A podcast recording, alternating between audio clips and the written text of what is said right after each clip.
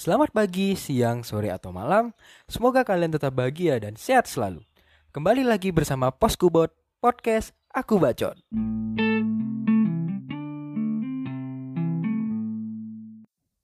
Halo, selamat datang di Insomnia, inspirasi obrolan malam anti galau. Di sini kita akan membahas berbagai masalah yang terjadi di umur 20-an di mana kita pasti insecure tentang hal-hal yang terjadi di sekitar kita. Dan semoga apa yang gua obrolin di sini akan mendapat hal positif untuk kalian dan ada yang bisa dipetik dari podcast ini dan semoga uh, kabar kalian terutama sobat Proskobot yang dari awal sampai akhir masih setia mendengarkan kita uh, terus sehat dan bisa terus menerus self improvement tentunya. Dan sesuai judul hari ini kita bakal bahas tentang survive dari head speech.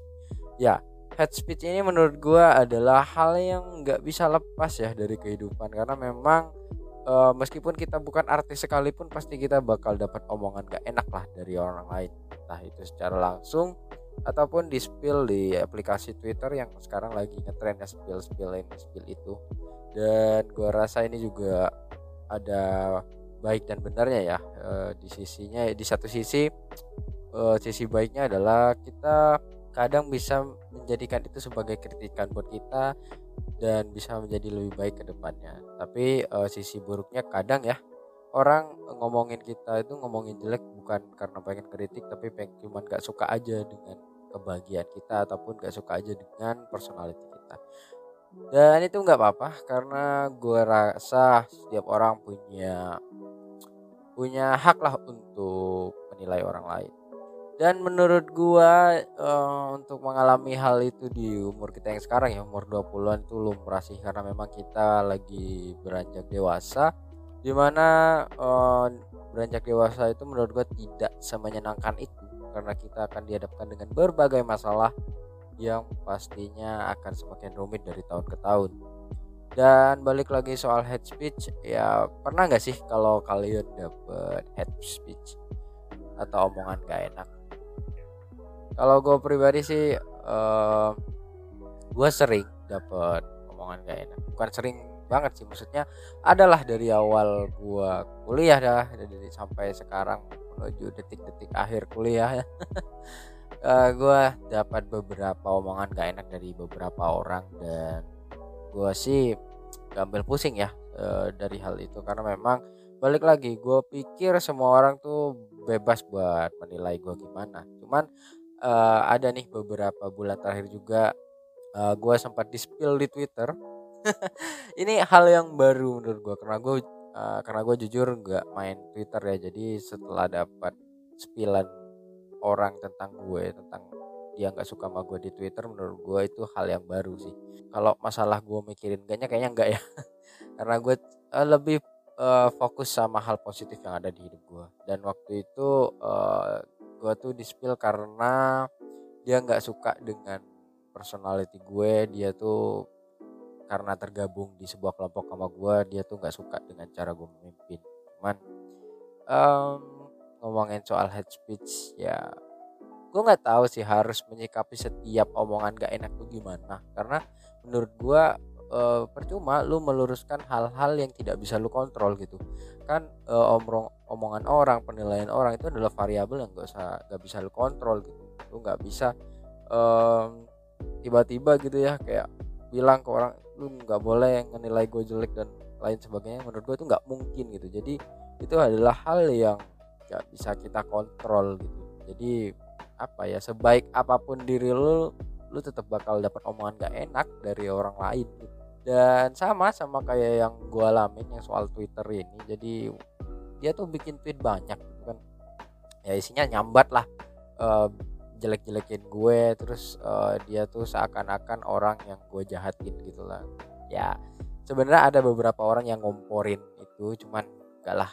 Uh, maksud gue gini uh, kalau lu memang sebrengsek itu ya itu menurut gue hal yang wajar jika ada beberapa orang yang merasa nggak nyaman dengan itu dan mereka mengekspresikannya uh, terutama di Twitter ini ya. Tapi yang menjadi masalah adalah pihak ketiga atau orang-orang yang di luar uh, kalian berdua itu yang ngomporin.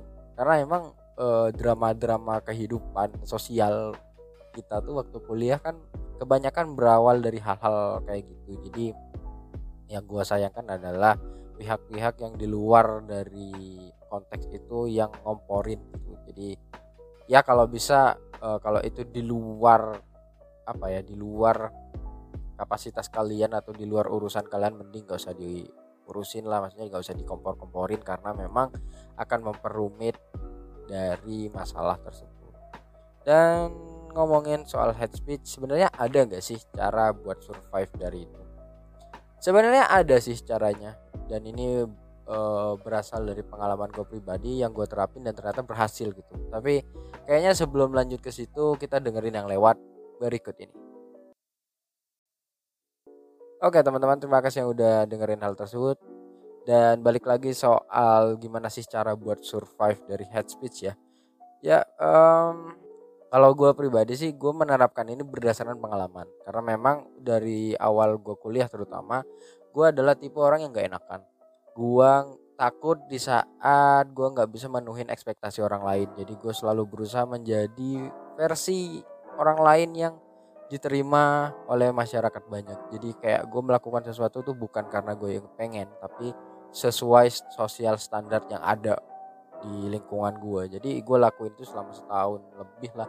Dan di situ jujur eh, awal-awal gue merasa senang kayak ya gue diterima di masyarakat kayak ya akhirnya banyak yang kenal gue akhirnya banyak yang jadi teman gue. Cuman tambah ke sini gue makin mikir kayak ya capek lah untuk menjadi orang lain gitu. Untuk apa lu menyenangkan orang lain selain diri lu sendiri gitu. oke lah orang lain senang tapi apakah dengan orang lain senang lu juga senang menurut gue enggak gitu loh. Karena yang harus kita senangin pertama kali itu ada diri kita sendiri baru orang lain. Jadi gue baru sadar setelah satu tahun menjadi apa people pleasure lah bisa dibilang kayak gitu.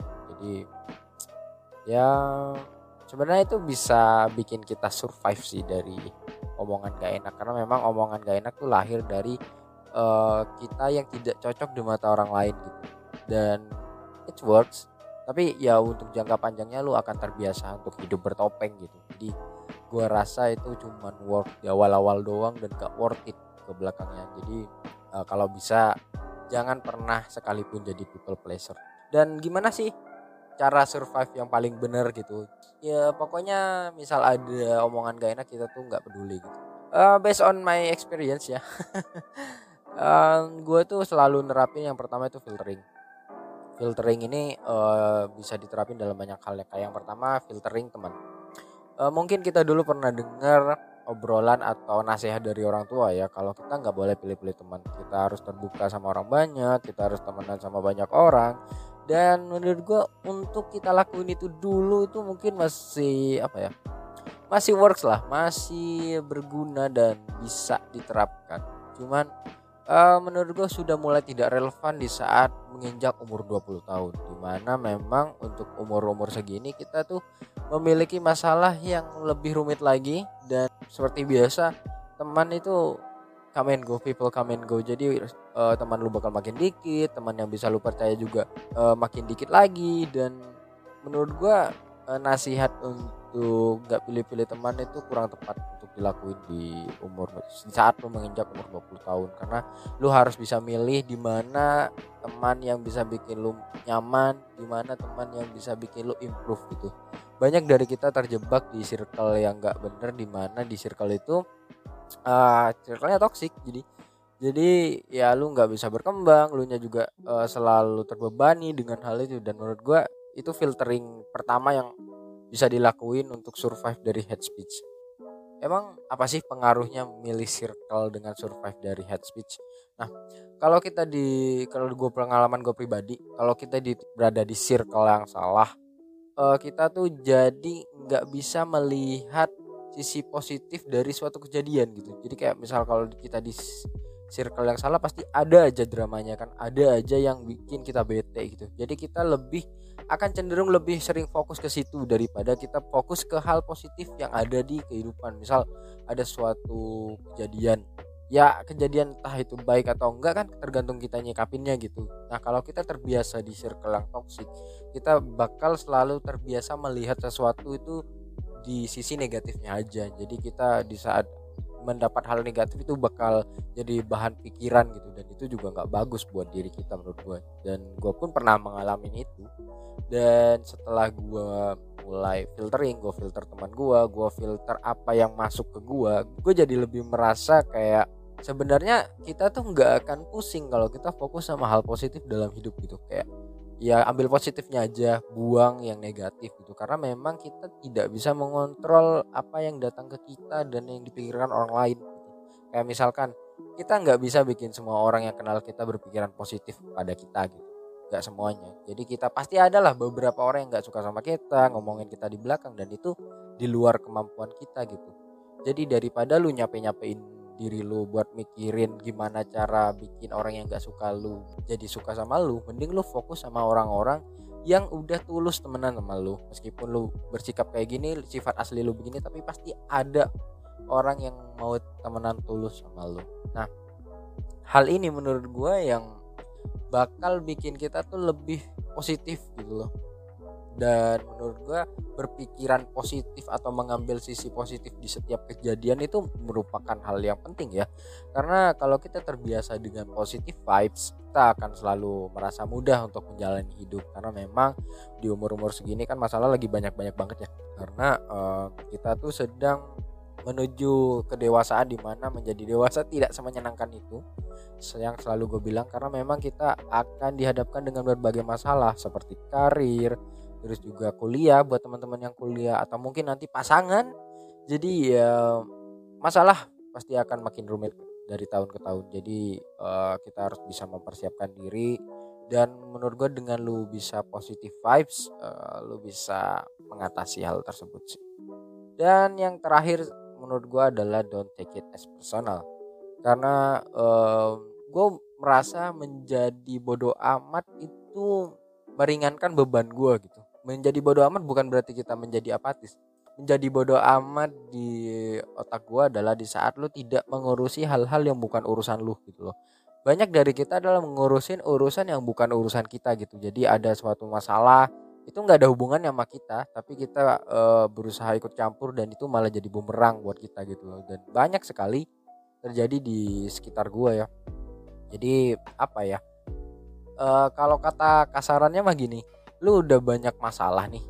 Lu masalah dengan diri lu sendiri itu udah banyak tapi lu masih nambah-nambahin dengan ikut ikutan sama masalah orang. Jadi itu akan makin ribet lah istilahnya ke depannya. Jadi lebih baik lu fokus on yourself kerjain apa yang emang lu anggap itu benar dan kerjain segala sesuatu yang pertama untuk diri sendiri.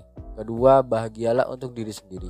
Setelah lo bahagia dengan diri lo sendiri lo merasa enough dengan diri lo sendiri baru kemudian lo bisa sayang sama orang lain atau lo bisa ngasih sesuatu ke orang lain. Dan itu menurut gue adalah hal yang apa ya bisa gue bilang itu adalah hal yang sangat baik buat kehidupan kita ke depan jadi gue berharap um, apa ya apa yang gue omongin di sini bisa kalian ambil positifnya lah.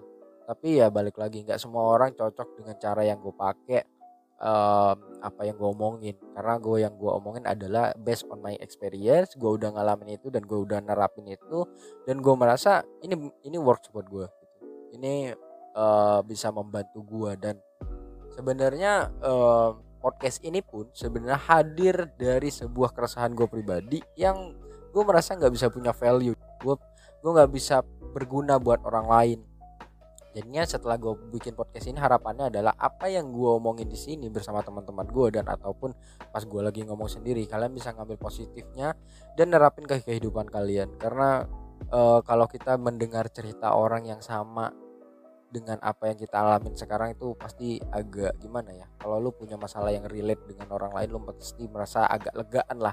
Kayak lu nggak akan merasa sendiri. Dan menurut gue itu hal yang apa ya gue pengen membantu orang lah istilahnya. Kalau gue nggak bisa jadi orang yang bisa membantu orang seluruh dunia paling enggak karya yang gue hasilin tuh bisa berguna buat pendengar gue so ya semoga kalian tetap dapat hal positif yang bisa dipetik dari setiap episode dari Poskobot dan kalau kalian suka sama podcast ini bisa langsung follow ya terus juga langsung ikutin beberapa episode-episode lainnya di Spotify atau di platform kesayangan kalian dan gue pasti senang banget kalau kalian bisa support hal tersebut. Oke, okay.